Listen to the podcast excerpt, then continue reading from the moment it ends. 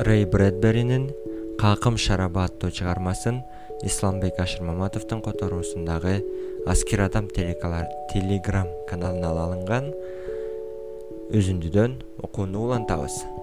Экинчи бөлүк. Уксаң боло деди бентли айым кыздын билегин кармай калып. Мындай нерселерди ишеним менен кабыл алышың керек. Бир күн келет сен дагы мендей болуп каарыйсың. Элдер ошондо сага айтышат о жок дешет. Тиги кузгундар эч качан чымчык болгон эмес. Тиги үкүлөр эч качан сары чымчык болгон эмес. Тиги тоту куштар эч качан көк чымчык болгон эмес. Бир күнү силер дагы мендей болуп каласыңар жок болбойбуз дешти кыздар бири биринен сурашты. Андай болбойбуз чынбы күткүлө анан көрөрбүз деди бентли айым. Өзүнчө ойлонду. О кудай бала деген бала а каарылык деген каарылык экен да. Ортосунда эч нерсе жок. Өзгөрүүнү көрө албаган элестете албайт экен да. Апаңчы деди ал. Убакыттын өтүшү менен көп жылдан бери андан өзгөрүүнү байкаган жоксуңбу? Жок деди жейн ал дайыма бирдей өзгөрбөйт ооба бул чындык эле. Бир адам менен ар дайым бирге жашасаң алар бир даража болсо дагы өзгөрүшпөйт качан гана адамдар узак убакытка бир нече жылдарга сапарга чыгып келсе сени таң калтырышат. Анан ал өзүн күркүрөгөн кара поездде жетимиш эки жыл жүрүп акыркы аялдамага түшкөн аялга элдин баары элен бентли бул сенсиңби? деп кыйкырып жаткандай сезди. Менимче биз үйгө кеткенибиз жакшы деди джейн ордунан туруп. Шакек үчүн рахмат мага сонун жарашты. Тарак үчүн рахмат жакшы экен. Татынакай кичине кыздын сүрөтү үчүн да рахмат. Келгиле бери алар силердики эмес деп кыйкырып жатты бентли айым балдар ылдыйды көздөй жарышып бара жатканда алар меники? Токтогула деди том кыздардын артынан. Кайтарып бергиле жок бентли айым буларды уурдап алыптыр. Булар башка бир кичинекей кыздарга таандык. Ал уурдап алыптыр буларды. Рахмат! деп кыйкырды элис.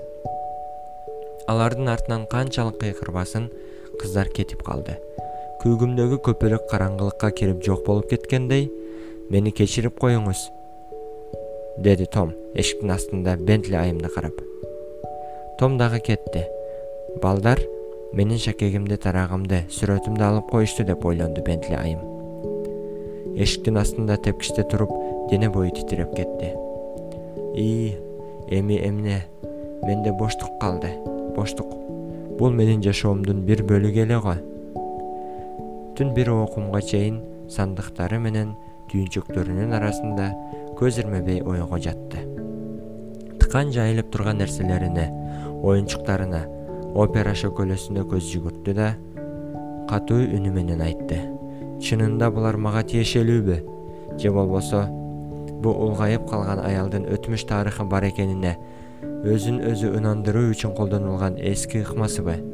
Кандай болсо да бир убакыт өттүбү ал бүттү. Сен ар дайым азыркы учур мененсиң. Балким ал бир кезде кыз болгондур. Бирок азыр эмес. Анан балалыгы өтүп кетти эми эч нерсе айткан кайтарып алып келе албайсың түндүн шамалы бөлмөсүнө ышкырып өттү. Шамалга желбиреген ак парда дубалдын четинде көп жылдардан бери чогулуп келген майда чүйдөлөрдүн жанында тирелип турган кол таякка барып урунду. Кол таяк бир аз тарактап жумшак үн менен айдын нуру тийип турган жерге түштү алтындан болгон таяктын чокмор туткасы жылт этти. Бул ыраматылык күйөөсүнүн аземи таягы эле. Баягыдай аларда пикир келишпестик болгондо негизи аябай сейрек болгон. Дайымкыдай өзүн жумшак кабагын салып жөндүү үнү менен ал таягын бентли айымга көзөп тургандай көрүнүп кетти. Тиги балдардыкы туура деп айтаар эле күйөөсү алар сенден эч нерсени уурдашкан жок кымбаттуум. Бул нерселер бул жердеки сага азыркы сага таандык эмес. Алар баягы кызга башка эски саат таандык. Буга өтө көп болду. Эх деп бентли айым ойго чөктү. Андан кийин эски фотограф болот. Ийнесинин астында ышылдап жаткан сыяктуу ал бентли мырза менен болгон бир маегин угуп тургандай сезди андан кийин эски фонографт болот. Фонографт бул э, муз үндү жаздырылган үндү уга турган инструмент окшойт. Андан кийин эски фонографт болот. Ийнесинин астында ышылдап жаткан сыяктуу ал бентли мырза менен болгон бир маегин угуп тургандай сезди. Бентли мырза күлгүн кызыл түстөгү гвоздик чет жакасында турат. Олуттуу түрдө менин кымбаттуум. Убакыт эмне экенин эч түшүнбөсөк керек. Андай эмеспи. Сен азыркыдай болуунун ордуна ар дайым мурункудай болууга аракет кыласың. Тиги эски билеттерди жана театр программаларын эмне үчүн сактап жүрөсүң? Алар сага кайгыдан башка эч нерсе алып келбейт. Ыргытып жиберчи жаным. Бирок бентли айым аларды өжөрлүк менен сактап келген. Мындай болбойт деп улантты бентли мырза. Чайын ооруттап бир кезде болгонуңдай болууга канчалык катуу аракет кылбагын сен бир гана азыркыдай жана ушундай эле боло аласың. Убакыт адамды сыйкырлап коет тура тогуз жашта болгонуңда ойлойт элең сен ар дайым тогуз жашта болуп келгенсиң жана ар дайым боло берем деп. А отуз жашыңда жарык өмүрдүн ортосунда эле жүрө бергендей көрүнөт. Анан качан жетимишке чыкканыңда ар дайым жана түбөлүк жетимиштегидей болосуң. Адам азыркы учур чак менен жашайт экен. Макул бул жаңы учур же эски учур болбосун экөөнүн биринде камалып калгансың. Айтоор мындан башка көрө турган учур жок. Бул алардын турмушундагы саналуу пикир келишпей бирок жумшак айтышып кеткендеринин бири болчу. Күйөөсү эскилерин сактай бергенин жактырчу эмес эле. Сен кандай болосуң? Сен кандай болсоң ошондой болуп болбогон нерсени көмүп кой деген эле. Эски билеттер алдамчыдай эски нерселер сактап өзүңдү көз боемочуга алдатып жатасың. Эгер бул кечте ал тирүү болгондо эмне деп айтаар эле? Эбак көпөлөгү учуп кеткен кокондорду чогултуп жатасың дээр эле. Эски концерттериң ага кайра мурункудай батпайсың. Анан эмнеге аларды сактап жүрөсүң эски корсеттериң. Корсет кийимдин түрү окшойт эски корсеттериң. Ага кайра мурункудай батпайсың. Анан эмнеге? Аларды сактап жүрөсүң. Чынында сен бир кезде жаш болгонуңду эч далилдей албайсың. Сүрөттөр мененби. Жок алар жалган. Сен азыр сүрөттөгүдөй эмессиң го.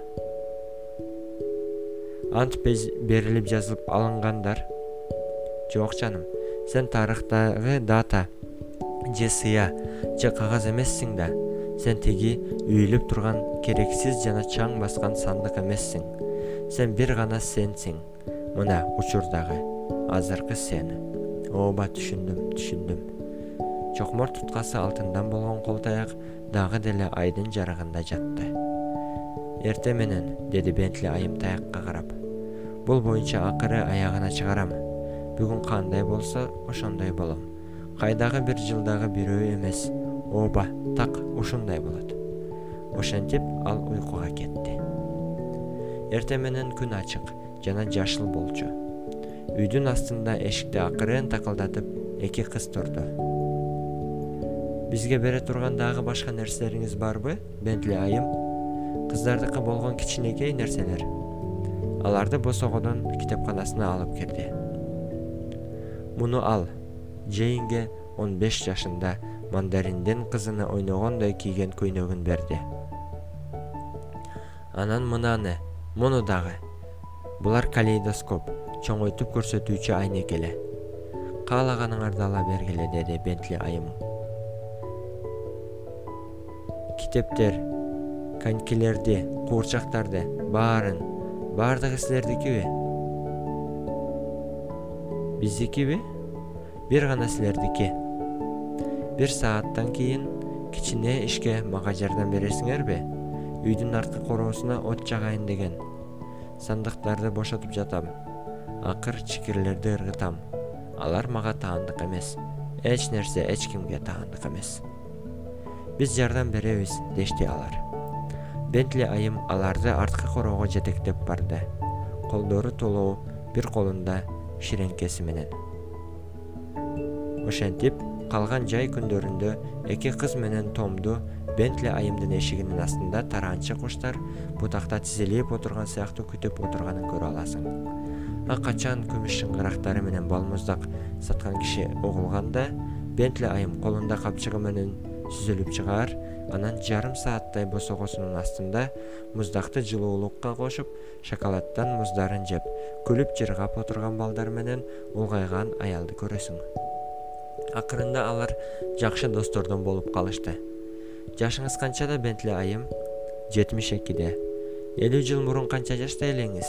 Жетимиш экиде. Сиз эч жаш болгон эмессиз э? Жана да эч качан ленталарды же мындай көйнөктөрдү кийген эмессиз э? Жок. Сиздин өз атыңыз барбы? Менин атым бентли айым. Сиз ар дайым ушу үйдө жашап келгенсиз. Ар дайым анан сиз эч качан сулуу болгон эмессиз. Эч качан. Миллион триллион жылда дагыбы жайдын түштөн кийинки ысык убактагы жымжырттыкка эки кыз улгайып калган айымга сүйөнүп жообун күтөөр эле. Эч качан деди бентли айым. Миллион триллион жылда дагы. Экинчи бөлүмдүн аягы ушуну менен телеграм аскер адам каналындагы исламбек ашырмаматов которгон үзүндүнүн баарын окуп бүттүк. Бул мындан дагы көбүрөөк которгон болушу мүмкүн бирок учурда менде бар материал аны биз окуп бүттүк